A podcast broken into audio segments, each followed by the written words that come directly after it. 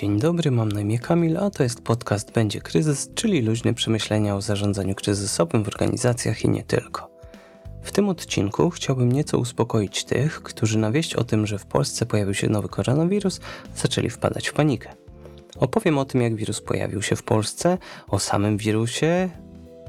Poruszę również temat faktów i mitów związanych z koronawirusem, które pojawiają się dookoła nas w mediach tzw. Tak tradycyjnych, w mediach społecznościowych. I na koniec y, co nieco o tym, co zaleca WHO, jeśli chodzi o podróżowanie i co należy robić, jeżeli podejrzewamy koronawirusa u siebie. Na początek, czym są koronawirusy? Koronawirusy to duża rodzina wirusów, które mogą powodować choroby zarówno u ludzi, jak i u zwierząt. U ludzi koronawirusy wywołują infekcje oddechowe od zwykłego przeziębienia do bardziej ciężkich chorób, takich jak MERS, czyli Middle East Respiratory Syndrome, czy SARS, Severe Acute Respiratory Syndrome, czyli zespół ciężkiej, od ciężkiej, ostrej niewydolności oddechowej. Jeśli chodzi o nazwę koronawirusa, ponieważ tych nazw pojawia się wiele, koronawirus z Wuhan, koronawirus z Chin, ja będę starał się trzymać terminologii przyjętej przez WHO i oficjalnie przyjęta przez WHO nazwa to SARS-CoV-2, czyli Severe Acute Respiratory Syndrome Coronavirus 2, czyli tak jak wcześniej wspomniałem, zespół ciężkiej ostrej niewydolności oddechowej. Sam wirus SARS-CoV-2 odpowiedzialny jest za wywoływanie choroby o nazwie COVID-19. Coronavirus Disease 19. 19 jest od roku 2019. Jakie są objawy choroby COVID-19?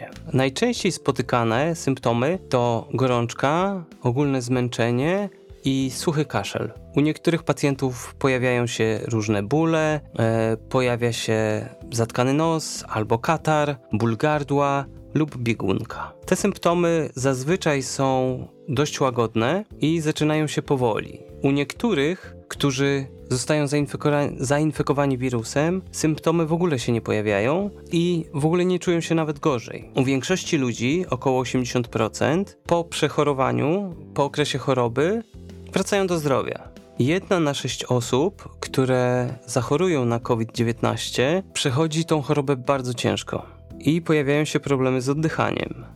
Starsi ludzie i ci z przewlekłymi chorobami, takimi jak e, nadciśnienie, problemy z sercem, e, cukrzyca, są bardziej podatni na to, żeby chorobę COVID-19 przejść, przejść ciężej. Czy to jest groźna choroba?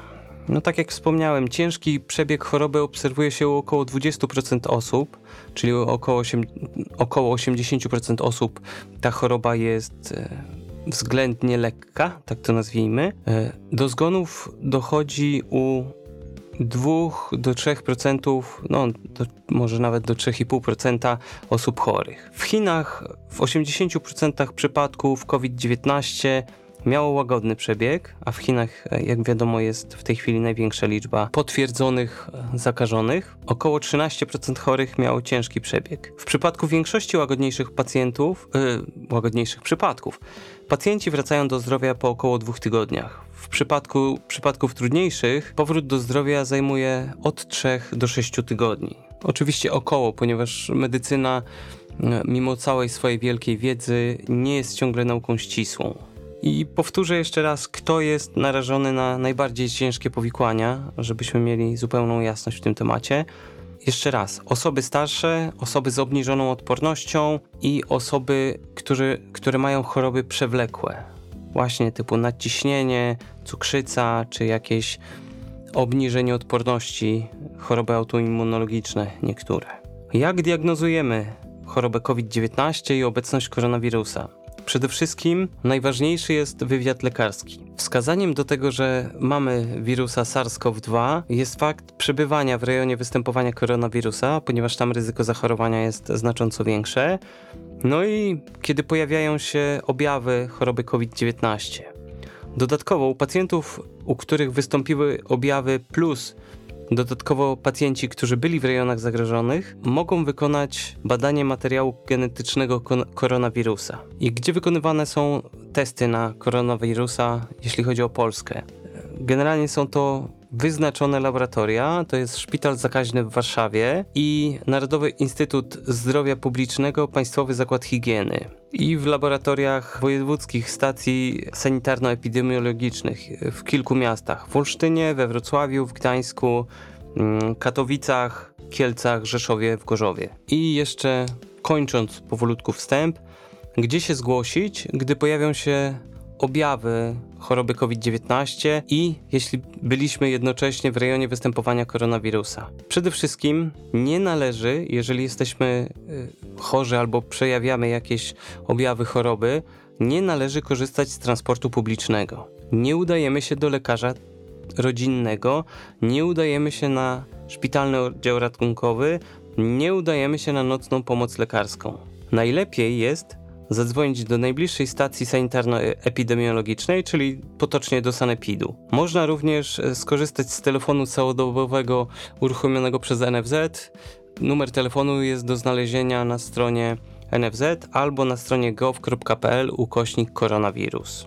Teraz może coś więcej o tym, jak e, przenosi się wirus i później przejdziemy sobie do mitów, zaleceń odnośnie podróży i co, co może być szczególnie ciekawe, zaleceń odnośnie tego, co powinno się wydarzyć w miejscach pracy. Czyli jak roznosi się wirus powodujący chorobę COVID-19, czyli SARS-CoV-2. Przede wszystkim jest to zarażenie się od innych, którzy mają wirusa.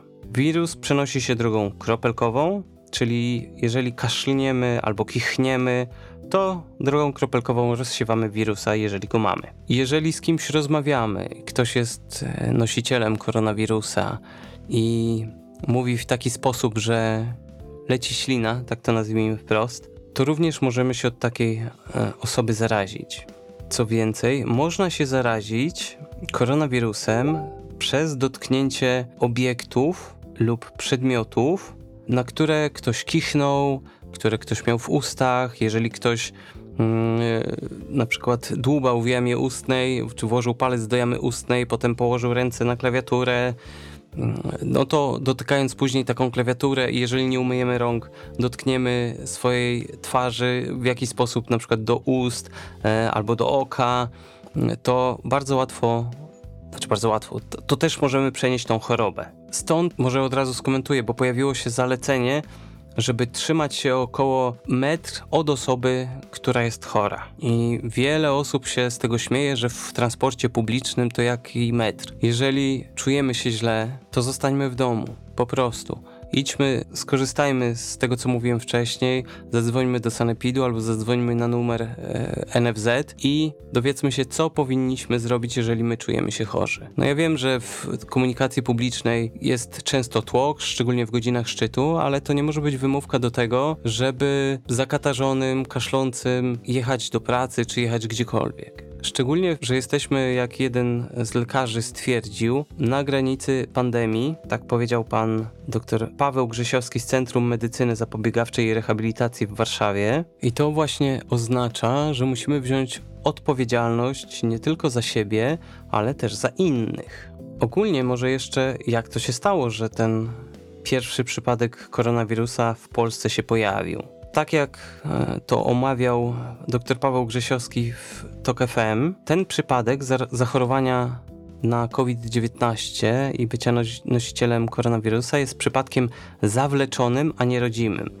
Czyli to konkretnie była osoba, która była w Niemczech i tam się zakaziła i przyjechała do Polski i tu się rozchorowała. Czyli nie jest to pierwszy rodzimy przypadek koronawirusa, to jest e, tak zwany pacjent zero w Polsce, ale jak na razie nie ma dowodów na to, żeby nastąpiła transmisja choroby. Służby podjęły działania, żeby zidentyfikować wszystkich, którzy byli w autobusie, którym przyjechał, przyjechała ta osoba z Niemiec, e, właśnie po to, żeby w razie czego dokonać kwarantanny i dopilnować tego, żeby choroba się nie rozprzestrzeniała. Wrócę jeszcze po tej dygresji do tego, jak można przenosić koronawirusa. Tak jak powiedziałem, wirus przenoszony jest drogą kropelkową. To oznacza, że przenosi się drogą powietrzną, czy może przenosić się drogą powietrzną, ale na niewielkie odległości. Czyli będąc w rejonie, gdzie koronawirus występuje, nie mając styczności z ludźmi, którzy mają koronawirusa i przedmiotami, które do nich należą, szansa zarażenia się jest naprawdę niewielka. Z takich pytań popularnych jeszcze jest odnośnie przenoszenia koro koronawirusa i choroby COVID-19. Czy można złapać koronawirusa od osoby, która nie ma sy symptomów choroby COVID-19? I pomimo tego, że głównym sposobem, w jaki koronawirus, koronawirus się roznosi, to jest właśnie przez przebywanie w towarzystwie ludzi mających koronawirusa, kaszlących, kichających, wrzucających znaczy dotykających przedmiotów. Będę je nazywał fomitami, czyli to są nieożywione obiekty mm, i przedmioty, które mogą, przez, które przez kontakt z którymi może przenosić się wirus, czyli właśnie przez kontakt z fomitami i jeżeli osoba nie ma symptomów, a jest nosicielem wirusa, to możemy, to szczególnie na wstępnym etapie choroby, kiedy te objawy są naprawdę łagodne albo jeszcze ich nie ma, możemy się zarazić od takiej osoby, jeżeli zarazimy się właśnie drogą kropelkową czy przez pocałunek, to jest taka szansa, że zarazimy się koronawirusem. WHO cały czas prowadzi badania e, w temacie właśnie okresu przenoszenia wirusa e, SARS-CoV-2 i będzie publikowało informacje, jak tylko coś zostanie odkryte. Pojawia się jeszcze pytanie, czy można się zarazić chorobą COVID-19 przez odchody kogoś, kto ma koronawirusa. I według tego, co publikuje WHO, ryzyko takiego zarażenia jest niewielkie.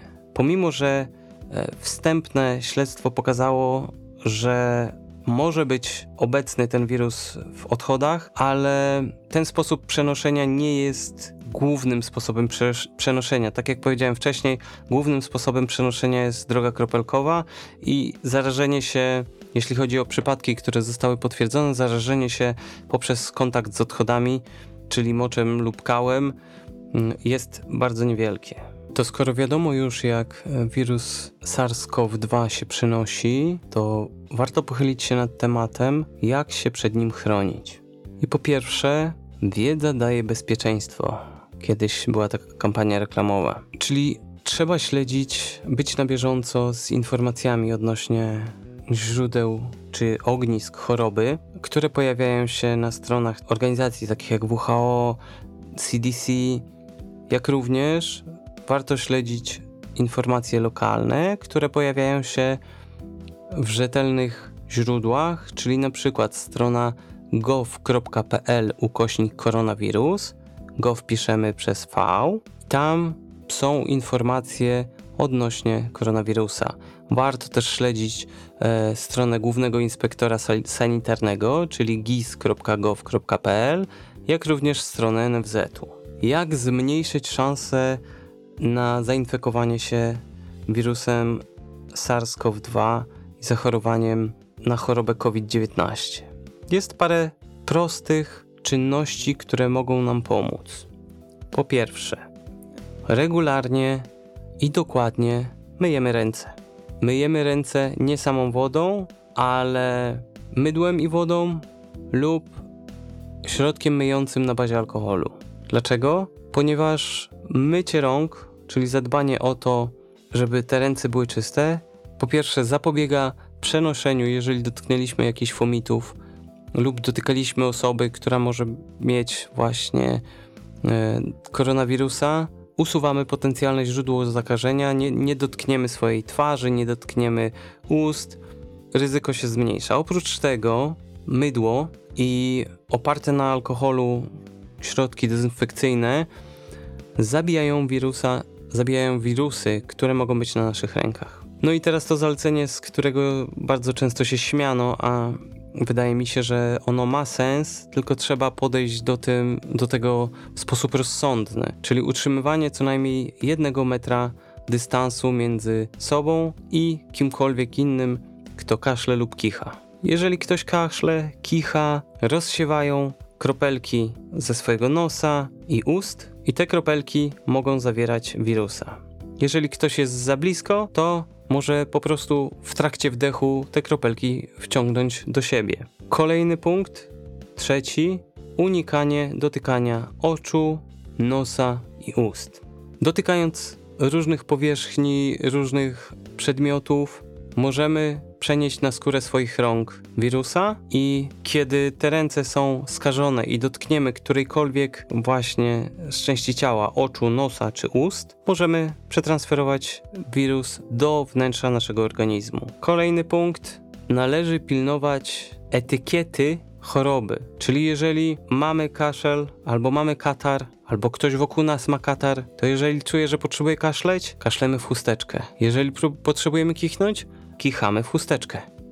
To powoduje, że drogą kropelkową nie będziemy rozsyłali nic dookoła, nie będziemy rozsyłali nic na przedmioty w stronę osób, które z nami przebywają. Co więcej, taką chusteczkę należy natychmiast wyrzucić i umyć ręce mydłem lub z pomocą jakiegoś środka dezynfekującego właśnie na bazie alkoholu. Kolejna rzecz, kolejny punkt, to jeżeli czujemy się źle, zostańmy w domu. Jeżeli mamy gorączkę, kaszlemy i mamy problem z oddychaniem i jest prawdopodobieństwo, że mieliśmy kontakt z kimś, kto mógł wrócić z regionu, gdzie jest nowy koronawirus, albo miał kontakt z ludźmi, którzy byli w regionie, gdzie był koronawirus, należy skorzystać z dróg kontaktu, które wymieniłem wcześniej. Czyli tych parę prostych kroków, śledzenie informacji, częste mycie rąk, trzymanie dystansu, niedotykanie oczu, nosa i ust i nazwijmy to higiena chorowania mogą w znaczący sposób ograniczyć ryzyko tego, że zachorujemy.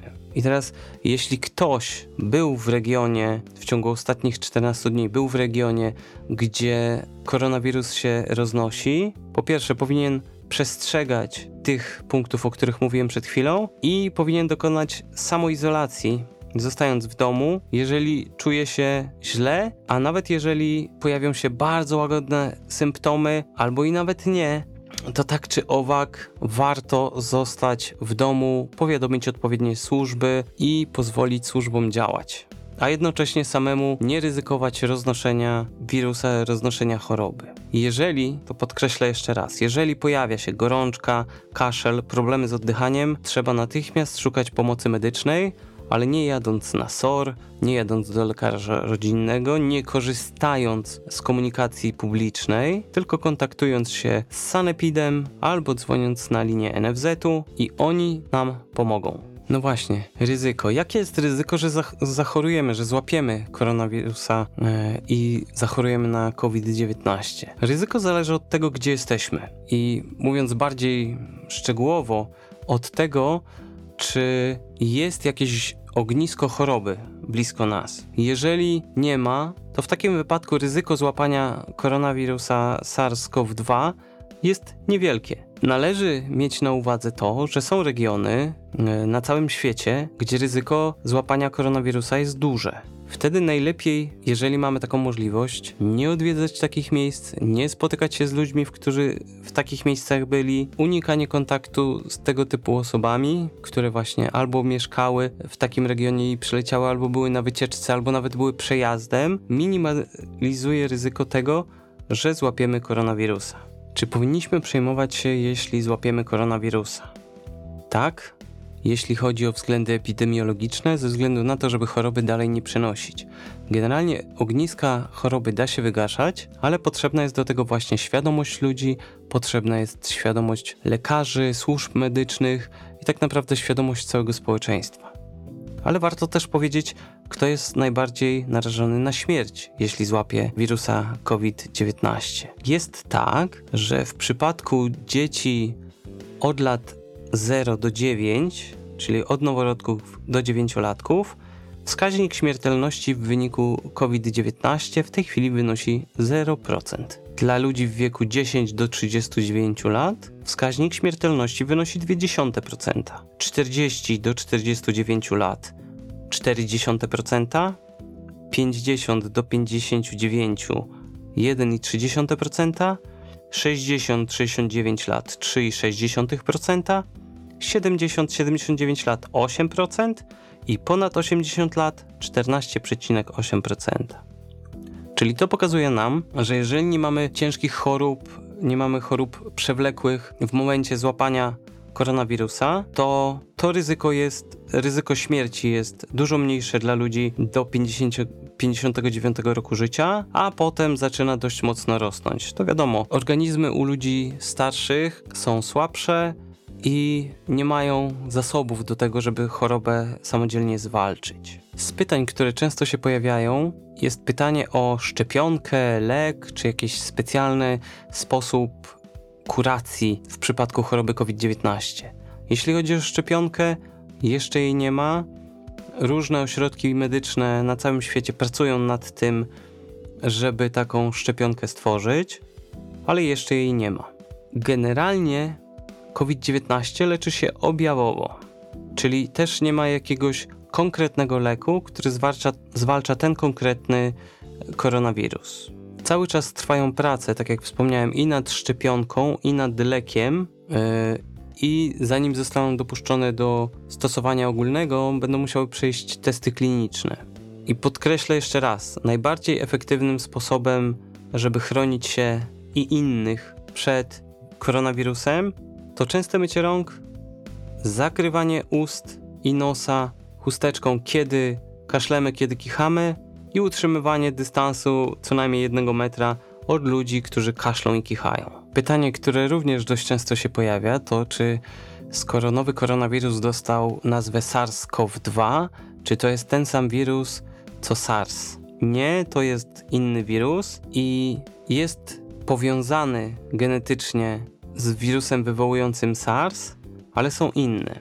SARS jest bardziej śmiertelny, ale mniej zakaźny niż koronawirus SARS-CoV-2.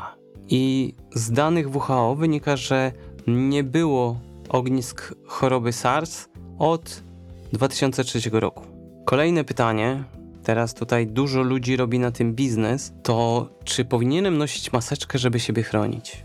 Generalnie WHO zaleca, żeby nosić maseczkę tylko jeżeli ma się koronawirusa SARS-CoV-2 i ma się symptomy choroby, choroby COVID-19, szczególnie kaszel, kichanie, albo jeśli opiekujemy się kimś, kto ma tego koronawirusa. Każda maseczka może być użyta tylko raz. Jeżeli nie jesteśmy chorymi albo nie opiekujemy się kimś, kto jest chory, wtedy nie należy używać maseczek, ponieważ w tej chwili jest problem z dostępnością maseczek i generalnie szkoda wykorzystywać je do takiego celu, jeżeli mogłyby zostać wykorzystane przez służby medyczne albo przez ludzi, którzy są chorzy. Co więcej, jeśli chodzi o maseczki, to trzeba umieć z nich korzystać w sposób prawidłowy, żeby mogły nas chronić przed chorobami. Czyli po pierwsze, przed założeniem maski trzeba umyć ręce, najlepiej zdezynfekować je środkiem dezynfekującym na bazie alkoholu. Należy zakryć usta i nos maseczką i upewnić się, że nie ma żadnych wolnych przestrzeni między krawędzią maski i twarzą. Należy unikać dotykania maski, kiedy się jej używa. Jeżeli dotkniemy takiej maseczki, a mamy podejrzenie, że ktoś mógł być chory dookoła nas, myjemy ręce i, i lub dezynfekujemy je środkiem dezynfekcyjnym na bazie alkoholu. Jak tylko maseczka będzie wilgotna, należy maseczkę zdjąć i się jej pozbyć. Broń Boże, nie suszyć maseczki, ponieważ te maseczki są jednorazowego użytku, w związku z czym należy ich się pozbyć również w sposób higieniczny. W ogóle jak zdjąć maseczkę? Większość ludzi, których widziałem, którzy korzystali z maseczek, żeby zdjąć maskę, łapie za maseczkę i ściąga wtedy ją z głowy. A to powinno wyglądać zupełnie inaczej, czyli łapiemy za paski, żeby nie dotykać właśnie samej maseczki i pozbywamy się jej, wrzucając ją do zamkniętego pojemnika albo do zamkniętego zam worka, który za chwilę zamkniemy, po czym myjemy ręce lub albo i lub dezynfekujemy je środkiem dezynfekcyjnym na bazie alkoholu. Jedna rzecz, o której zapomniałem wspomnieć, to okres inkubacji od momentu zarażenia do pojawienia się symptomów choroby COVID-19. I okres inkubacji według badań trwa od 1 do 14 dni, najczęściej około 5 dni. To są aktualne dane WHO. Jeżeli pojawią się nowe estymaty, WHO natychmiast je opublikuje. Kolejne z pytań, które się pojawiają, to czy ludzie mogą zarazić się koronawirusem od zwierząt? Koronawirusy, tak jak wspominałem na wstępie, to jest duża rodzina wirusów, które występują i u zwierząt, i u ludzi. Zdarzają się przypadki, że ludzie zarażają się od zwierząt. Przy, przykładowo, wirus SARS był związany z nietoperzami, a MERS z wielbłądami. I jeśli chodzi o zarażenie się nowym koronawirusem, to jeszcze nie zostało potwierdzone, że taka możliwość jest, aczkolwiek badania sugerują, że taka możliwość jest te, które są zrobione do tej pory, że taka możliwość jest nie za duża. Tak czy owak, żeby się chronić na wszelki wypadek, jak odwiedzamy targowiska, gdzie są sprzedawane żywe zwierzęta, należy unikać kontaktu z takimi zwierzętami, z powierzchniami, z którymi te zwierzęta miały styczność. Należy zapewnić dobre praktyki, jeśli chodzi o pożywienie. Czyli jeżeli obrabiamy mięso, to należy robić to w taki sposób, żeby właśnie nie dotykać twarzy, nie dotykać oczu, nie dotykać nosa i jak tylko mięso wyląduje na patelni czy w garnku, należy ręce umyć, należy umyć deskę, na której kroliliśmy, miskę, w której to przechowywaliśmy, ręce umyjemy mydłem, resztę myjemy z pomocą płynu do mycia naczyń i niech się pieni. A jeśli chodzi o zarażenie się od zwierząt takich domowych, typu kot, pies, to generalnie ryzyko takiego zakażenia nie istnieje. Przynajmniej tak to przedstawia WHO. E, nie ma żadnych dowodów na to, żeby, żeby zwierzęta domowe przenosiły mm, takie wirusy i żeby w ogóle się nim zarażały. Wrócę jeszcze do tematu fumitów, czyli przedmiotów i powierzchni, ogólnie rzeczy nieożywionych, przez które choroba może się przenosić. Wygląda na to, że wirus SARS-CoV-2, czyli nasz nowy koronawirus, zachowuje się tak jak inne koronawirusy. Czyli taki wirus może przetrwać na powierzchni od kilku godzin do kilkunastu dni. To wszystko zależy od tego, jakie są warunki, czyli typ powierzchni, temperatura, wilgotność środowiska, w którym to się znajduje. I jeżeli możemy mieć podejrzenie, że ktoś nam kichnął albo zakaszlał na, na jakąś powierzchnię, na klawiaturę, to należy wykorzystać chusteczki dezynfekujące, żeby tą powierzchnię wytrzeć, żeby zapewnić sobie to, że nie będzie na tej powierzchni żadnych zarazków. I teraz e, ten temat tak naprawdę dotyczy nie tylko nowego koronawirusa, ale dotyczy e, wszystkich wirusów, wszystkich patogenów, które możemy złapać tak, przez fomity. Czyli zachowanie odpowiedniej higieny daje nam dużą szansę na to, że nie zachorujemy czy to na koronawirusa, czy na COVID-19, czy na inne choroby typu grypa, czy po prostu przeziębienie. I jak już mówimy o temacie związanym z przenoszeniem koronawirusa przez przedmioty, to czy paczki z AliExpress mogą nas zarazić? No nie. Ze względu na to, że takie paczki podróżują po pierwsze dosyć długo, po drugie są w zmiennych warunkach, czyli nie jest tak, że mają stałą wilgotność, stałą temperaturę. Także w takich warunkach wirus ma małą szansę na przeżycie. Jeszcze z takich ogólnych pytań. Czy Antybiotyki działają na koronawirusa. Nie działają. Antybiotyki są lekami przeciw bakteriom, nie przeciw wirusom. Czy leki retrowirusowe, czyli takie tam popularne, zapobiegające namnażaniu się wirusów, takie jak na przykład izoprynozyny, czyli popularne środki reklamowane e, w radiu, w telewizji, nie działają. Generalnie tak jak już jesteśmy przy tym temacie, to brak jest jedno, jednoznacznych dowodów o skuteczności tego typu e, leków w walce z wirusami, jakimikolwiek, tym bardziej z koronawirusem. Teraz chciałbym rozprawić się z kilkoma mitami, jeśli chodzi o koronawirusa. Niektórzy mówią, że mamy szczęście, że żyjemy w klimacie dość chłodnym i że to nas może uratować.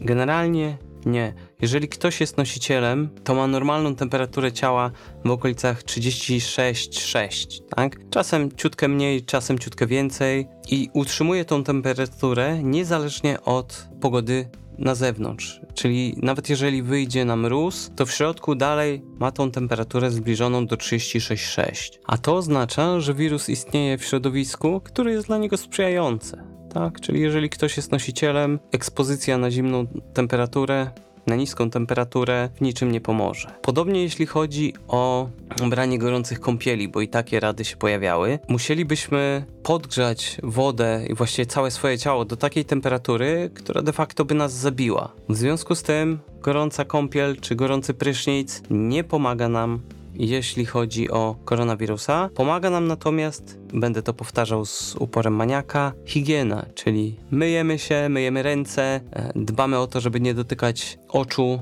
nosa, ust i jeszcze raz myjemy, myjemy ręce. Przed zarażeniem nie uratują nas również e, suszarki do rąk, e, które dmuchają ciepłym powietrzem, gdy umyjemy ręce w publicznej toalecie czy w toalecie w firmie.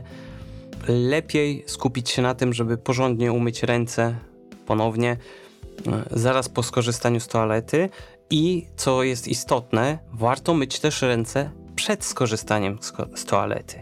Mam nadzieję, że nie muszę tłumaczyć, dlaczego tak jest. Kolejna rzecz, która nie uchroni nas przed koronawirusami, to korzystanie z e, ultrafioletowych lamp dezynfekcyjnych. Generalnie zbyt długa ekspozycja e, na światło ultrafioletowe może powodować e, podrażnienie skóry, w związku z czym nie jest to sposób, e, który po pierwsze zabija koronawirusy i sposób, z którego należy korzystać. Koronawirusem również nie zarazimy się przez ugryzienia owadów, tak? czyli jeżeli ugryzie nas komar czy moskit, nie ma powodu do paniki. Kolejny mit, który się pojawia, żeby spryskiwać się alkoholem lub nawet e, środkami na bazie chloru, żeby zabić, zabić nowego koronawirusa. Czy to może być efektywne?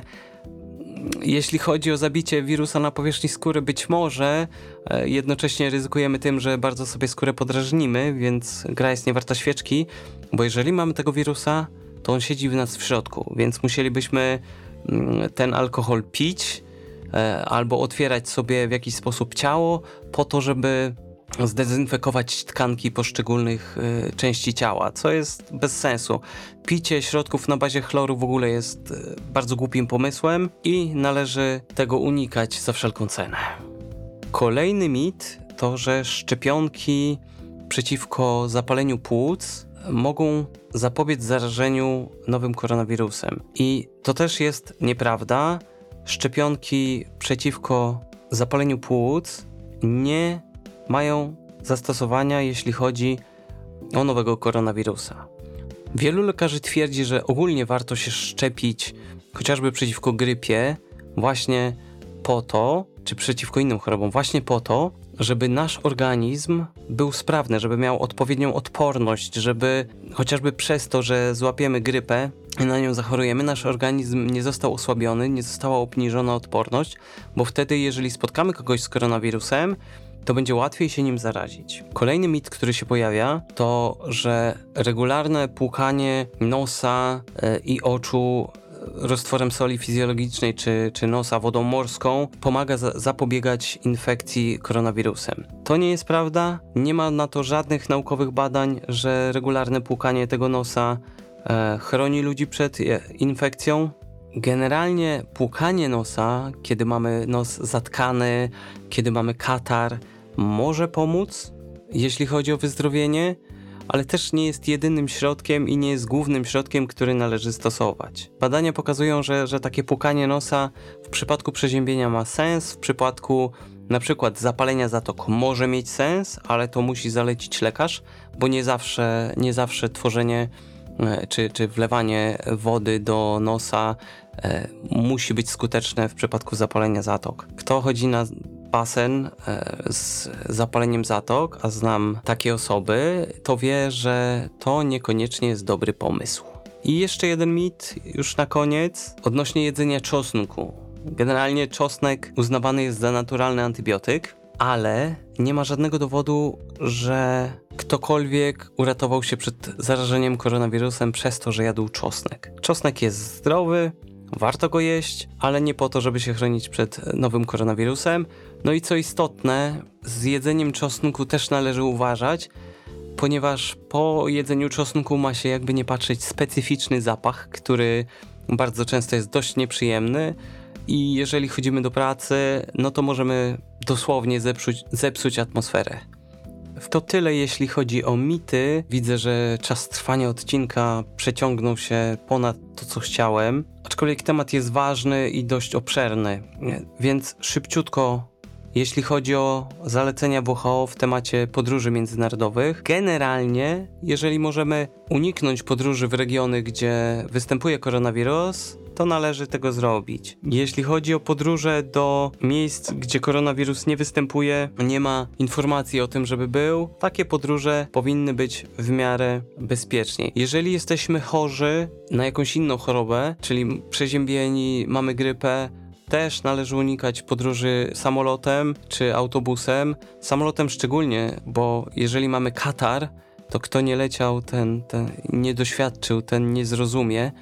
Jeżeli mamy Katar, to zmiana e, wysokości potrafi być bardzo bolesna. Niestety miałem okazję doświadczyć kilkukrotnie, ale nie miałem innej możliwości niż, niż polecieć samolotem, więc zdecydowanie, zdecydowanie odradzam. Generalnie warto się zapoznać z informacjami, tak jak wspomniałem, Główny Inspektor Sanitarny, e, Ministerstwo Zdrowia, NFZ, ponieważ oni na bieżąco, te służby, te urzędy na bieżąco zbierają informacje i wystawiają je do wiadomości publicznej. Podobnie jak WHO też zawiera, znaczy opublikowało całą, całą masę wskazówek, jeśli chodzi o podróżowanie i można prześledzić, jak się te wskazówki zmieniały w trakcie rozwoju, nazwijmy to pandemii.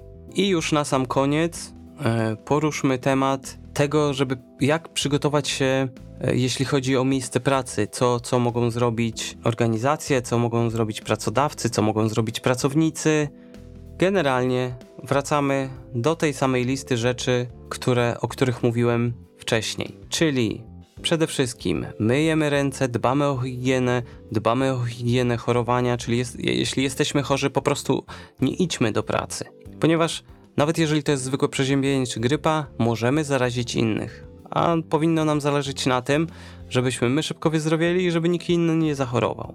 Jeśli chodzi o miejsce pracy, dbamy o higienę miejsca pracy, czyli wycieramy stół, klawiatury, myszki, dbamy o swoje kubki, talerze, właśnie po to, żeby te przedmioty nie stały się fomitami, nie stały się nośnikami zarazków. Kolejna rzecz, kolejna rzecz spotkania.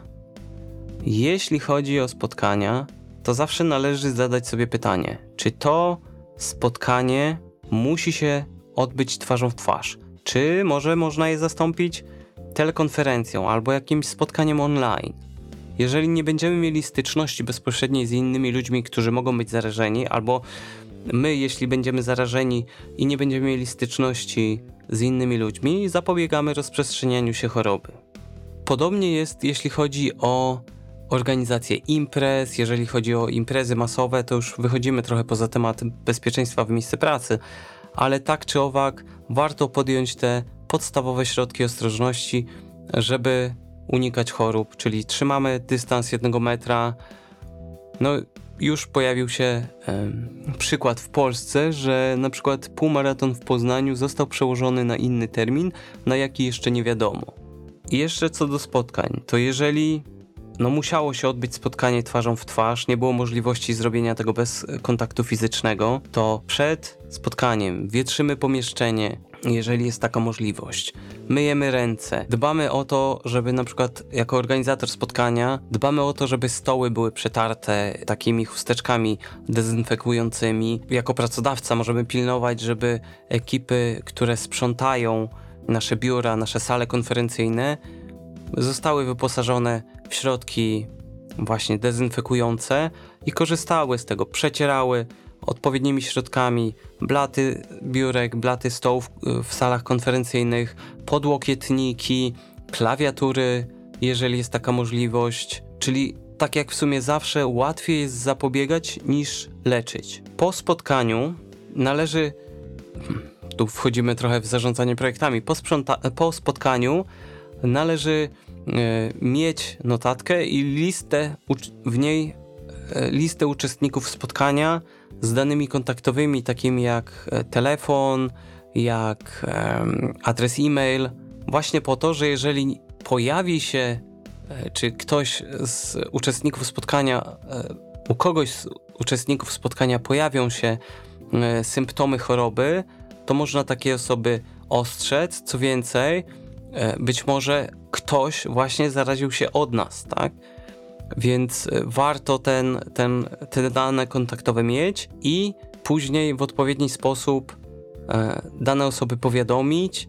Najlepiej razem z instrukcją, taką jak jest pokazywana przez NFZ czy, czy Sanepid, jak się zachować, czyli nie jedziemy do lekarza, nie jedziemy transportem publicznym, nie jedziemy na SOR, ponieważ na SORze możemy, może być dużo ludzi, możemy, jeżeli jesteśmy chorzy, dużo osób zarazić, czyli korzystamy z telefonu do Sanepidu, korzystamy z telefonu do NFZ-u, żeby oni nam powiedzieli, co mamy zrobić. Myślę, że czas już na małe podsumowanie. Jeśli chodzi o ryzyko zarażenia koronawirusem, to jeżeli nie mamy styczności z ludźmi, którzy byli w regionach, mm, gdzie są ogniska choroby, jeżeli nie mamy styczności z bezpośrednio, bezpośredniej e, z chorymi, to ryzyko, że zachorujemy jest nadal w Polsce bardzo niewielkie. Czyli wniosek z tego jest taki, że nie należy panikować. Generalnie w mediach społecznościowych pokazują się zdjęcia wyczyszczonych półek w sklepach. Jeden z moich kolegów, który uczy o podcastingu Marcin Hinz. Polecam serdecznie odnaleźć Marcina na, na stronie marcinhinz.pl albo szkoła podcastu.pl wrzucił filmik pokazujący co jest trochę zabawne w kontekście tego, co mówiłem o spożywaniu alkoholu, mm, jeśli chodzi o zapobieganie czy leczenie koronawirusa. E, wrzucił filmik pokazujący półkę, e, na której zazwyczaj stoi piwo e, w jednym z dużych marketów która była praktycznie cała wyczyszczona. Także ludzie wykupili wszystko, ludzie robią duże zapasy. Na tym etapie to jest niepotrzebne i nie ma co siać paniki, że zaraz skończą się zapasy żywności, że nie będzie można w sklepie nic kupić. W Polsce jeszcze nie jesteśmy na tym etapie, na pewno, w związku z czym no, warto mieć zawsze coś pod ręką, żeby coś dobrego móc sobie ugotować, ale nie należy przesadzać. Nie ma co wykupować e, pół sklepu, ponieważ istnieje duża szansa, że część e, produktów, które kupimy, nam się przeterminuje. Wracając do, do koronawirusa, nie warto panikować, nie ma co panikować. Należy unikać podróży w miejscach, gdzie są ogniska choroby. Należy zachować podstawowe zasady higieny, czyli myjemy ręce dość często, przed skorzystaniem z toalety, po skorzystaniu z toalety e, nie dotykamy twarzy, nie dotykamy oczu, nosa, ust, czyli miejsc, którędy choroba bardzo łatwo może, może wejść, nie tylko koronawirus, ale ogólnie każda choroba. I dobrze się odżywiamy, dobrze się wysypiamy, ponieważ tak naprawdę dobry sen, dobre jedzenie, ale dobre w sensie zdrowe oraz brak stresu to są czynniki jedyne, które są naukowo udowodnione, podnoszące odporność. Także nie stresujemy się, dużo śpimy, smacznie zdrowojemy i ryzyko tego, że złapiemy koronawirusa jest małe, a jeżeli go złapiemy, to będąc w odpowiedniej kategorii wiekowej, ryzyko śmierci jest bardzo małe, ryzyko po, poważnego, ryzyko powikłań czy, czy ciężkiego